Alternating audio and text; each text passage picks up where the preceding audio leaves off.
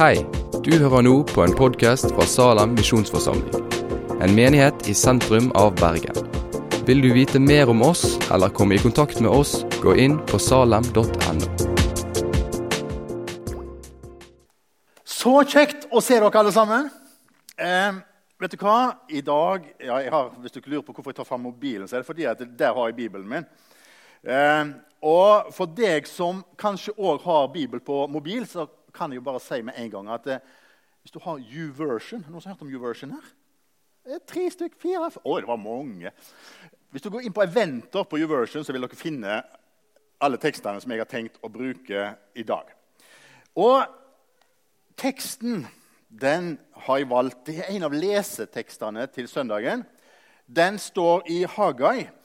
Og Haggai det er en av de små profetene. Og en kan fort begynne, Jeg forstår hvis du begynner å lete i innholdsfortegnelsen. For det er ikke der vi er oftest. I hvert fall ikke jeg. Men Haggai det er en av de små profetene. Det er nesten arkene før du begynner på Det nye testamentet i Bibelen. Etter Haggai hadde talt, så var det stille i 400 år før Johannes døperen kom fram og talte igjen. Så det er veldig interessant å se litt på disse to kapitlene i Haggai. Nå skal ikke vi se på alt det. Vi skal se på det som er hovedteksten og en av lesetekstene i dag. Vi reiser oss. Haggai kapittel 2 og versene 3-9. Er det noen tilbake blant dere som har sett hvor herlig dette huset var før? Og hva ser dere nå? Ser det ikke ut som ingenting? Men nå, Babel, vær sterk, sier Herren. Josva, Jehosadaks sønn, du øverste prest, vær sterk. Hele folket i landet, vær sterke, sier Herren. Gå i gang med arbeidet, for jeg er med dere, sier Herren over herskarene. Dette løftet ga jeg dere da dere dro ut av Egypt. Min ånd er blant dere. Vær ikke redde. For så sier Herren over herskarene. Enda en gang, om kort tid, rister jeg himmelen og jorden, havet og det tørre landet. Jeg rister alle folkeslag, så skattene deres kommer hit. Jeg fyller dette huset med herlighet, sier Herren over herskarene. Mitt er sølvet, mitt er gullet sier Herren over herskarene. Dette nye huset skal bli herligere enn det første, sier Herren over herskarene. På dette stedet skal jeg gi fred, sier Herren over herskarene. Vær så god, sitt. Du er i en fase av livet der du forventer noe mer. Du forventer litt forandring. Eh, Kanskje er det det at nå, ja, ja, nå er det mange som er i ferd med å ta eksamen, eh, gjøre seg ferdig med vitnemål. Men hva nå? Eh, eller kanskje ungene har flytta ut. Det er bare dere to igjen. Hva nå? Eh, eller Kanskje du er her som ja, jeg har prøvd det der med religion. Men eh, Jeg har gått i kirka, jeg har prøvd Gud. Men hva så? Det var den generelle stemningen når Hagai skrev det han skrev. Og For å skjønne litt mer av det Hagai skrev, og det han sa, hvis vi ser på Haggais bok som på en måte eh, selve spillefilmen, så skal vi se litt på forfilmen, eller filmen om spillefilmen. For hva situasjonen var eh, folket i? Hva var jødene i? Hvordan var livene deres når Haggai skrev dette? Eh, sommeren 586 før Kristus så tok babylonerne eh, og beleira Jerusalem. og eh, Etter hvert så måtte de overgi seg. De rev ned murene, og tempelet ble revet ned. og eh, så ble de ført i fangenskap til Babylonia. Babylonia ligger sånn cirka, eller lå, får vi vel si, sånn ca. 110 km sør blir det vel, sør for Bagdad, langs elva.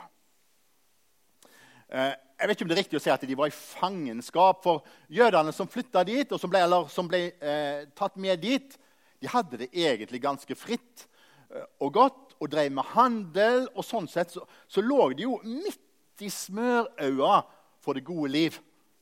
Sant? Altså bare se for deg, Hva var det som var motorveier på den tida? Jo, det var jo elva. sant? Så elva rant jo rett forbi. Det var en underplass. Det var midt i handelsruta. Det var som omtrent når jeg bodde i Holiakka oppe i Andesfjella. Det ligger som på grensa til Bolivia, midt i handelsruta. Masse. Det var, det var en kjempestrategisk plass å drive handel. Så jeg tror de hadde det ganske bra. Men det var noen som hadde en drøm om å komme tilbake igjen til Israel. Og eh, han som var konge da, Kyros, han syntes jo for så vidt dette var en grei idé. Eh, fordi han ønsket jo at de skulle Reis tilbake igjen og be han, eller, eller uh, huske på han, uh, og be for Kyros. Så han støtta de faktisk økonomisk òg, sånn at det var mulig å reise tilbake. Men det var ikke alle som dro. Det var bare ca. 50 000 som dro tilbake igjen. Um, og um, resten de, de, de, var igjen, for de hadde det jo greit. Skal vi liksom forlate alt dette nå? For å dra til noe som er veldig usikkert. Eller, men som sagt, 50, stykk, nei, 50 000 drog. Eh, og eh, de hadde en drøm. De ville tilbake igjen. Og det var en sånn åndelig dimensjon over dette. Det var en sånn åndelig intensjon over dette. Blant de som drog, så var det jo veldig mange prester. da. Eh, to av 15 var jo prester, så det var veldig mange prester som var med i det følget tilbake igjen. Eh, men de visste at de kom til å møte en tøff hverdag. For hva var det de skulle dra tilbake igjen til?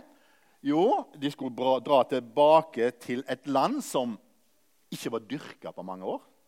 Dere vet hvordan det er. Altså, eller vet ikke dere vet det, men Hvis dere har sett en bonde som skal begynne å dyrke en plass hvor det ikke har vært dyrka før, det er ganske mye arbeid. Trær som skal rives vekk, røtter som skal opp. og mye jobb.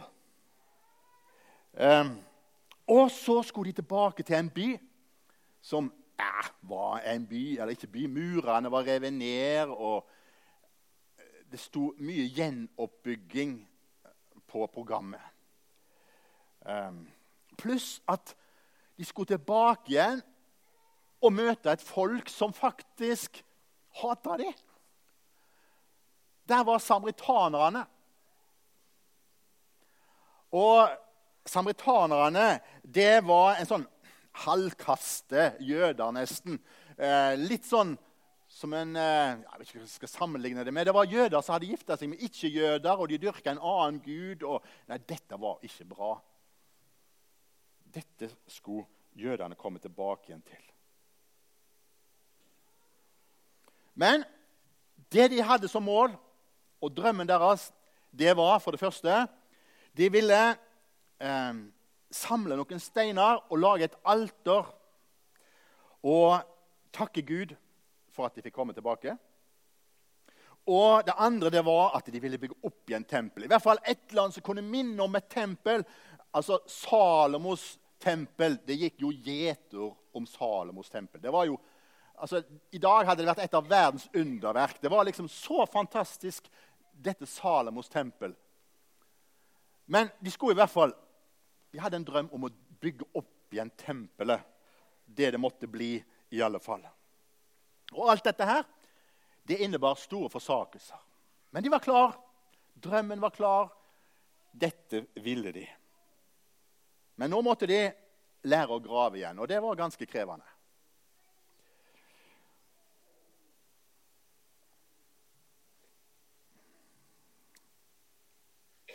Men så opplevde de motgang. Dette de hadde hørt om, og kanskje noen av de hadde opplevd sjøl i ungdommen. For de hadde kanskje ikke, vært, de hadde ikke vært vekk i Babylon mer enn ja, Noen hadde kanskje bare vært der i 50 år. Så det er godt mulig at Haggai sjøl, han var kanskje 70-75 år, hadde opplevd dette i ungdommen. Eh, og så kommer de tilbake igjen, og så er det på ingen måte dette som forfedrene har snakket om, og som Åh, de gode, gamle dagene kommer bare ikke tilbake igjen. Åh, Husker du hvordan det var før? Å, det var så fint før. I gamle dager. Du skulle sett hvor mange som kom på bedehuset da. Eller hvor mange som var med i bibelgruppa da. Altså, litt der var de. Og drømmen, den slokna. Og fantasien, den måtte vike for virkeligheten.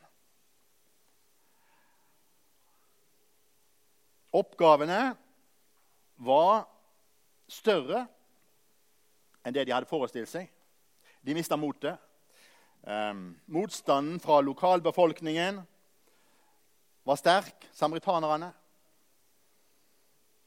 Og subsidiene fra Kyros stoppet faktisk òg opp fordi det kom en ny konge, og han ville krige litt mer og måtte, trengte penger til det. Så dermed stoppet subsidiene fra Kyros opp òg. Nå hadde de det tøft. Nå sto de der uten penger. Um, og de prøvde å avslutta.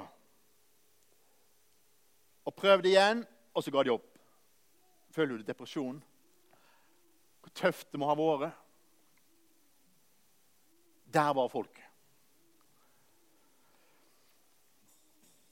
Og så kommer Hagai, og så taler han til dem egentlig en veldig kort periode. Haggai, altså Det Haggai skriver om i, sitt, i sin bok, skjer i løpet av et par måneder.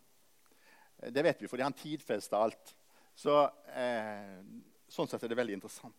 Og så står det da i det første kapittelet før den teksten som vi leste, eh, fra eh, vers 13 Hagai, Herrens sendebud, sa fram Herrens budskap for folket 'Jeg er med dere', sier Herren.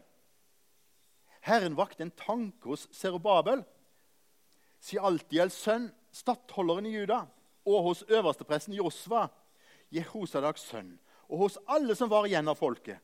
Og de kom og arbeidet på huset til Herren over herskarene, deres Gud.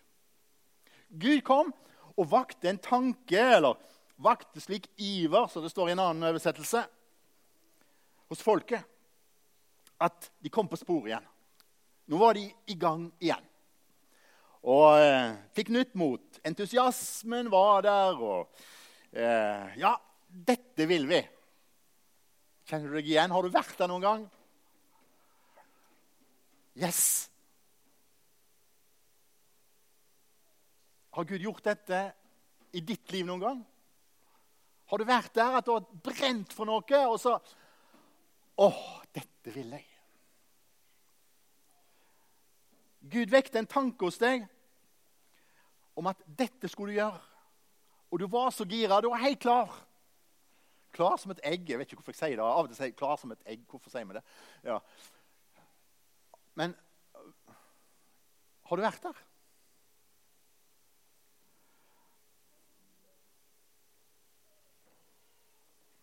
Det som skjedde med folket her, var at de fikk nytt håp, ny inspirasjon. Um, og de ville starte å bygge opp igjen tempelet. Og de kom og arbeidet på huset til Herren over herskarene deres Gud, sto det. En måned går, og gjett hva som skjer. Nei, de ga opp. Igjen. Pinlig. Starta med entusiasme. En måned seinere så gir de opp prosjektet. Um, ofte har ikke det skjedd i våre liv? Altså, Januar er måneden for fulle treningsstudio. Hæ? Er det ikke det? Nytt liv, nytt mot. Nå! Februar er måneden for god plass på treningsstudio.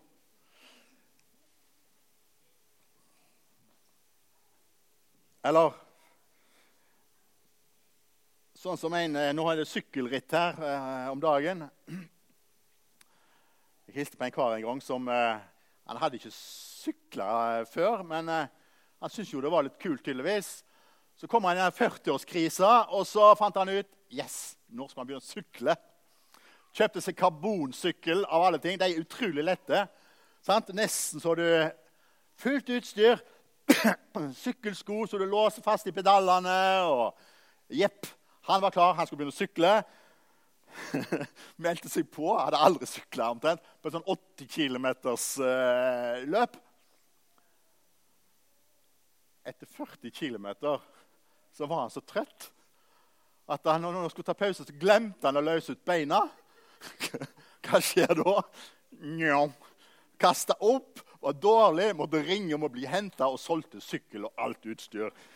Men altså Men du har kanskje erfaringer i ditt eget liv. Du har satt deg noen mål, og så holdt de ikke helt inn.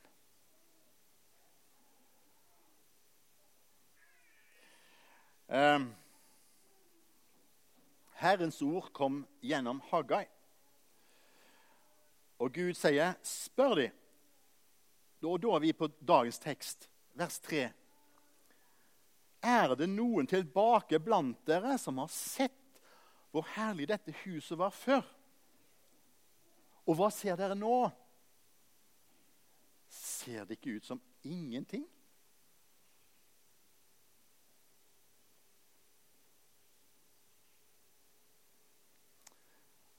De eldre var med og skapte dårlig stemning i flokken. De som hadde sett det første tempelet. Um, I all sin prakt. For det, det, var fantastisk. Hadde fått tømmer fra Libanon. Det var, det, var, et underverk. De huska hvordan det var i gamle dager.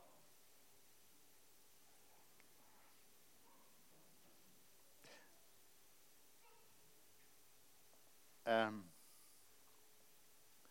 kan lett falle i den grøfta sjøl òg. Og jeg tror de unge merker frustrasjon. Og mismotet kom kanskje over dem av den grunn. For det de holdt på med nå, å bygge dette tempelet, det ligner jo på ingen måte på Salomos tempel.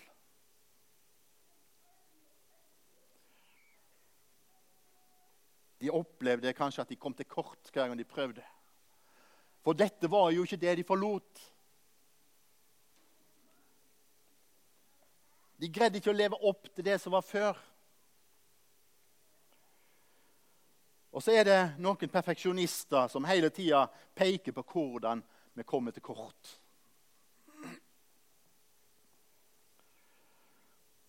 Jeg vet ikke om du kjenner deg igjen. Jeg tror det skjer i dag òg. Det var det som skjedde 520 år før Kristus.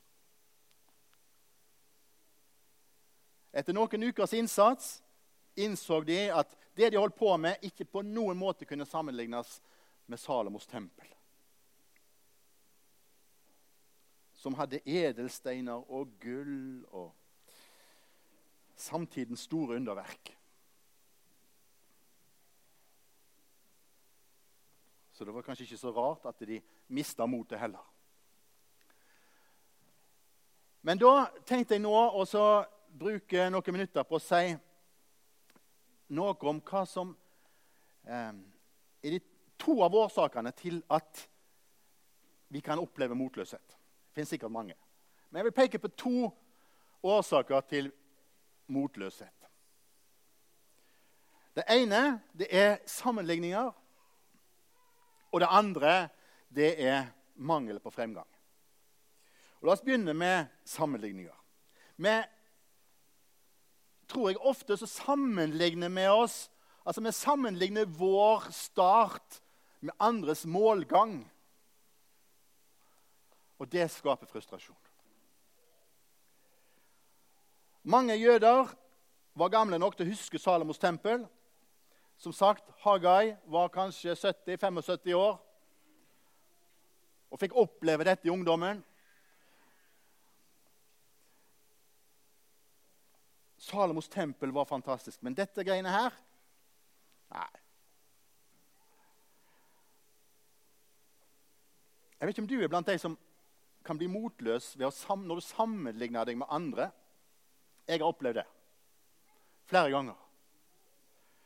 Eh, jeg husker vi kom tilbake fra Peru. Hadde vært der som misjonærer en del år. og så vennene våre som hadde bodd i Norge hele tida, og som hadde fått seg jobber og hus og eh, Ungene Alt var veletablert og så ut som de hadde det greit. Vi kom fra, tilbake fra Peru og hadde null penger i banken, fikk låne alt og eh, hadde råd til et eh, et, sånn som jeg så det, sammenlignet med deres hus. Et lite hus der to av guttene måtte dele rom. Um, og eh, ja Det er ikke fruktbart å holde på sånn.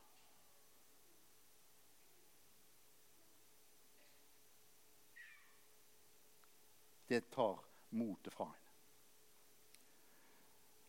Han er mer vellykka enn meg. Han har nådd lenger. Hun får flere likes på bildet sitt på Instagram eller på Facebook.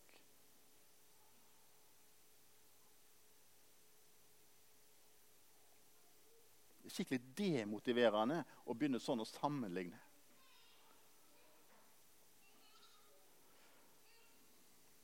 Folket på Hagais tid de husker hvordan det hadde vært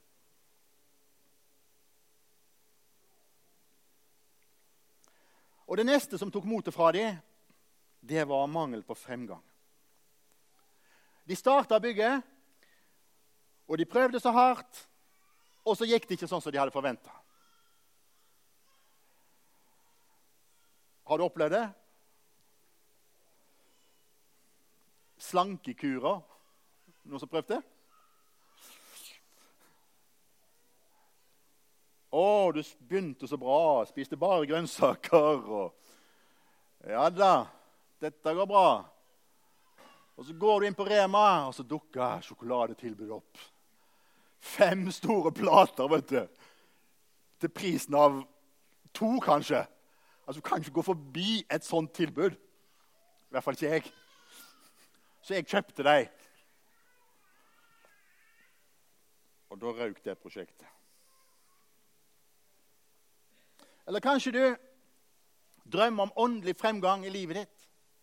Og Gud, om du bare kunne gjort mer i livet mitt.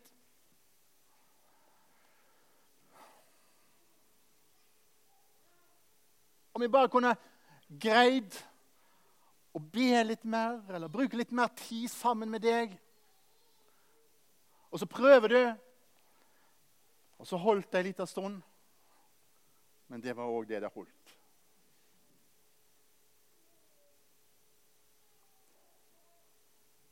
eller i livet ellers? Er det verdt det, det du holder på med? Ekteskapet. Folk skiller seg hele tida. Det er jo ikke så uvanlig lenger. Er det verdt det å kjempe for? Har jo prøvd så lenge.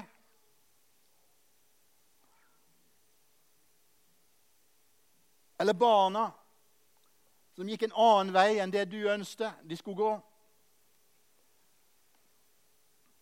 Og du har jo prøvd å veilede, du har jo prøvd å være gode foreldre. Men så gikk de en annen vei.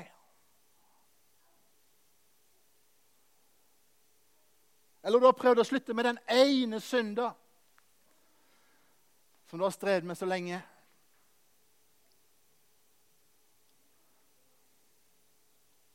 fulgt Jesus i så mange år, allikevel så plager denne ene synda deg sånn.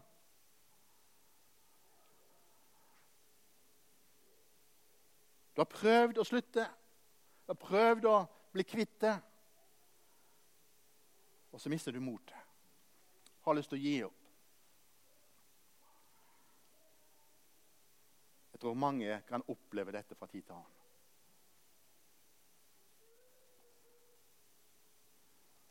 det vi håpte og trodde på.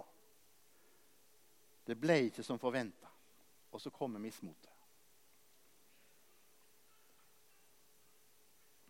Hva gjør du da?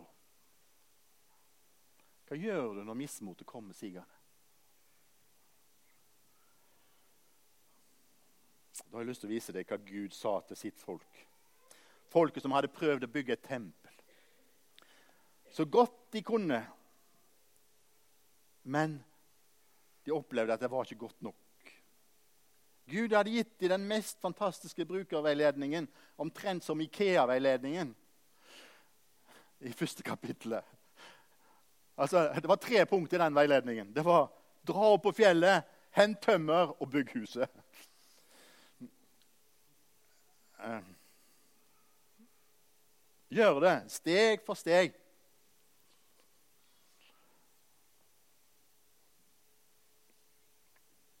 Så hva skal folk gjøre denne gangen? Så står det i vers 4. Men nå, Babel, vær sterk, eller vær frimodig, står det i en annen oversettelse. Sier Herren, Josva, Jehosadoks sønn, du øverste prest, vær sterk. Hele folket i landet, vær sterke, sier Herren. Gå i gang med arbeidet, for jeg er med dere, sier Herren over herskerne. Så hva skal du gjøre? Vær sterk, eller vær frimodig, og gå i gang med arbeidet.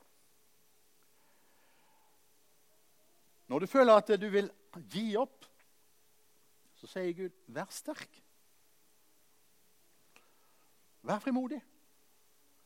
Gå i gang med arbeidet. Det var ikke noe kvikk fiks der.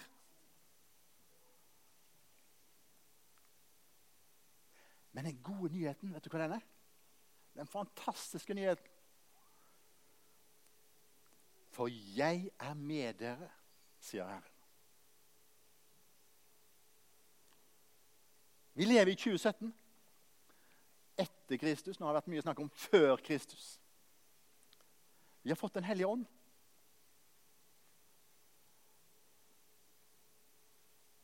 Alt makter jeg i ham som gjør meg sterk, står det. Og du trenger ikke være, være sterk i deg sjøl, men i Han. Du har fått en sånn super overnaturlig kraft som du ikke kan få om du så hadde sprunget på treningsstudio hver dag hele året. Eller på mentalstudio, for den saks skyld.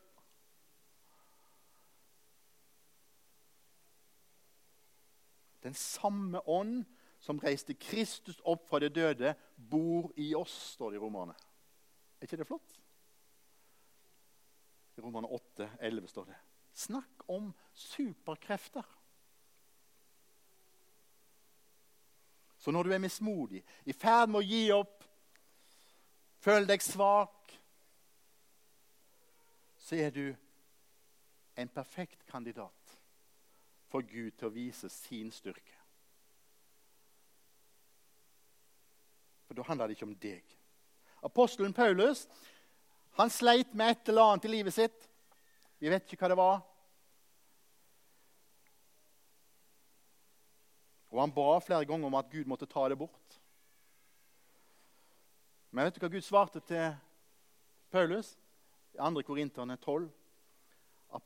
Der står det 'Min nåde er nok for deg, for kraften fyllendes i svakhet'. Derfor vil jeg helst være stolt av mine svakheter, for at Kristi kraft kan ta bolig i meg. Selv om du ikke ser resultater. Vær frimodig. Gå i gang med arbeidet. Gud sa ikke 'lev drømmen' og gå i gang med arbeidet. Eller sammenlign deg med alle andre, og så kan du gå i gang med arbeidet.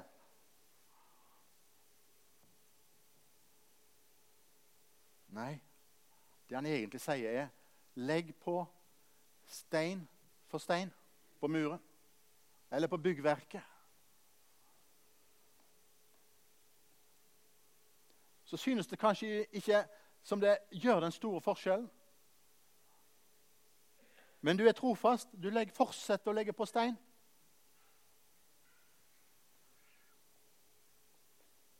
Og så kan du få være frimodig i Herren. Ikke i deg sjøl. Ikke fordi du har oppnådd så forferdelig mye, men du har vært trofast.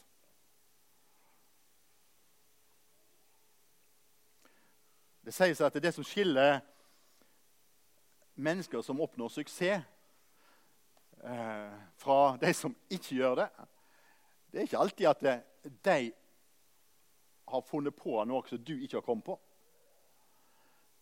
Men det er det at de gjør nettopp dette. De legger på stein for stein, tar ikke noen shortcuts. Mens vi ofte prøver litt, og så mange av oss, og så gir vi opp. Mens de som kanskje oppnår suksess, er konsekvente til det oppdraget de har fått, og så legger de på stein for stein. Når du ønsker å gi opp, hva skal du gjøre? Vær frimodig i Herren. Gå i gang med arbeidet. Vær frimodig. Fortsett å be der du opplever at det ikke skjer noen ting. Vær frimodig. Søk Guds ord daglig. Selv om du opplever kanskje at det er tungt, det er vanskelig. Vær frimodig. Fortsett å elske der du ikke opplever at du blir elska tilbake.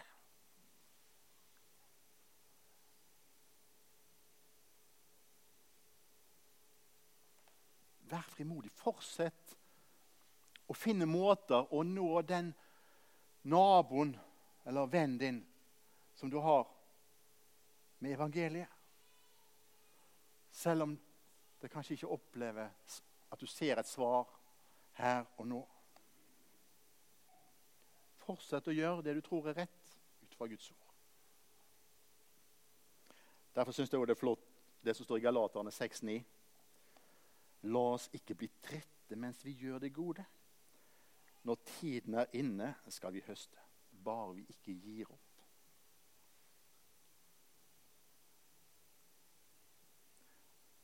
Selve punchline i den teksten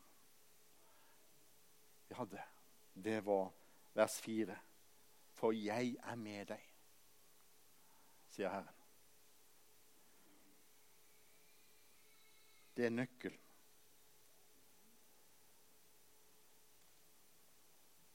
Og det Gud vil vise folket her,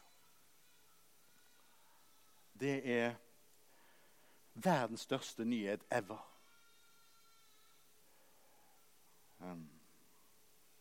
For Hvis du leser, ser de versene videre i kapittel 2 der, som vi leste til å begynne med, så ser vi at eh, folket egentlig ikke har så veldig mye å stille opp med i forhold til det gamle tempelet som Salomo bygde. For det var så ufattelig mye bedre. Nei, Gud, du må ha misforstått noe. Du ser dette her som vi holder på med, det er jo ingenting. Kan det virkelig være mulig at det skal bli flottere, bli et flottere tempel? Det nye huset skal bli herligere enn det første, sier Herren. Vers 9. Salomos tempel var jo så ufattelig fint. No way. Det går ikke å bygge et sånt tempel. Og så var de ikke klar over at det Gud faktisk prøver å vise dem, det er nærmest en profeti over noe som skal skje seinere. Det finner vi mange eksempler på i Det gamle testamentet. At eh, en fysisk hendelse eh, er nærmest som et bilde eller en åndelig beskrivelse av noe som skal skje seinere. Det nye huset skal bli herligere enn det første. Hvordan kunne Gud si noe sånt? Fordi Gud ville gjøre noe de ikke kunne forestille seg. I Det gamle testamentet så måtte folk gå til tempelet og ofre noe i håp om å stå rett i forhold til Gud. I Det nye testamentet så skjer det en total forvandling. Da gjør Gud noe helt spesielt. Han sier, 'Du som er Jesu etterfølger, er faktisk et tempel for Den hellige ånd.' Kroppen ditt den er et sted hvor, hvor Gud bor.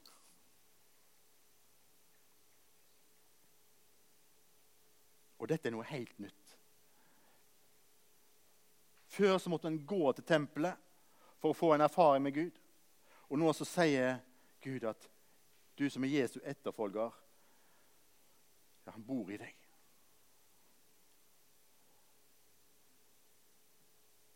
Jesus er det nye, herligere tempelet. Og Det forandrer alt. Og Nå trenger du ikke være sterk i deg sjøl eller gå i gang med arbeidet på egen hånd. Du gjør det fordi han er med deg. Og han er ikke bare med deg, han er i deg. For han som er i dere, er større enn han som er i verden, står det i 1. Johannes 4. Jesus er det herligere tempelet. Så hver gang du legger ned én stein i hans navn, så forherliger du han. Når du er god mot noen, så blir han forherliga. Når du elsker noen, så blir han forherliga. Når du tilgir noen, så blir han forherliga.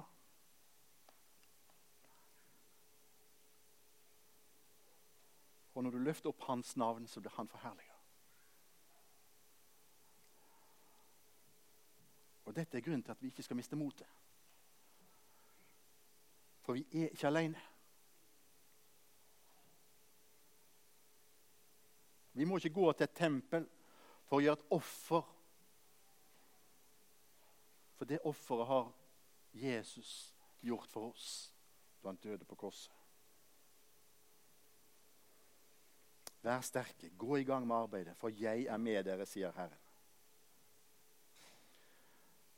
Så står det i Filippane 1,6.: Og jeg er trygg på at Han som begynte sin gode gjerning i dere, skal fullføre den helt til Jesu Kristi dag.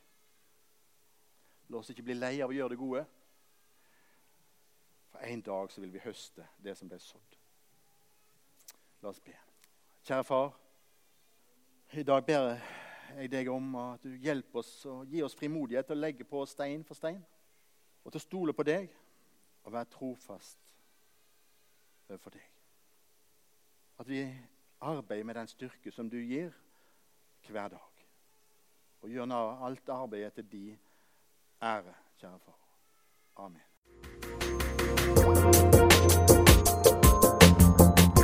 Takk for at du har hørt på podkasten fra Salem, Bergen. I Salem vil vi vokse i et stadig dypere fellesskap med Gud og med hverandre.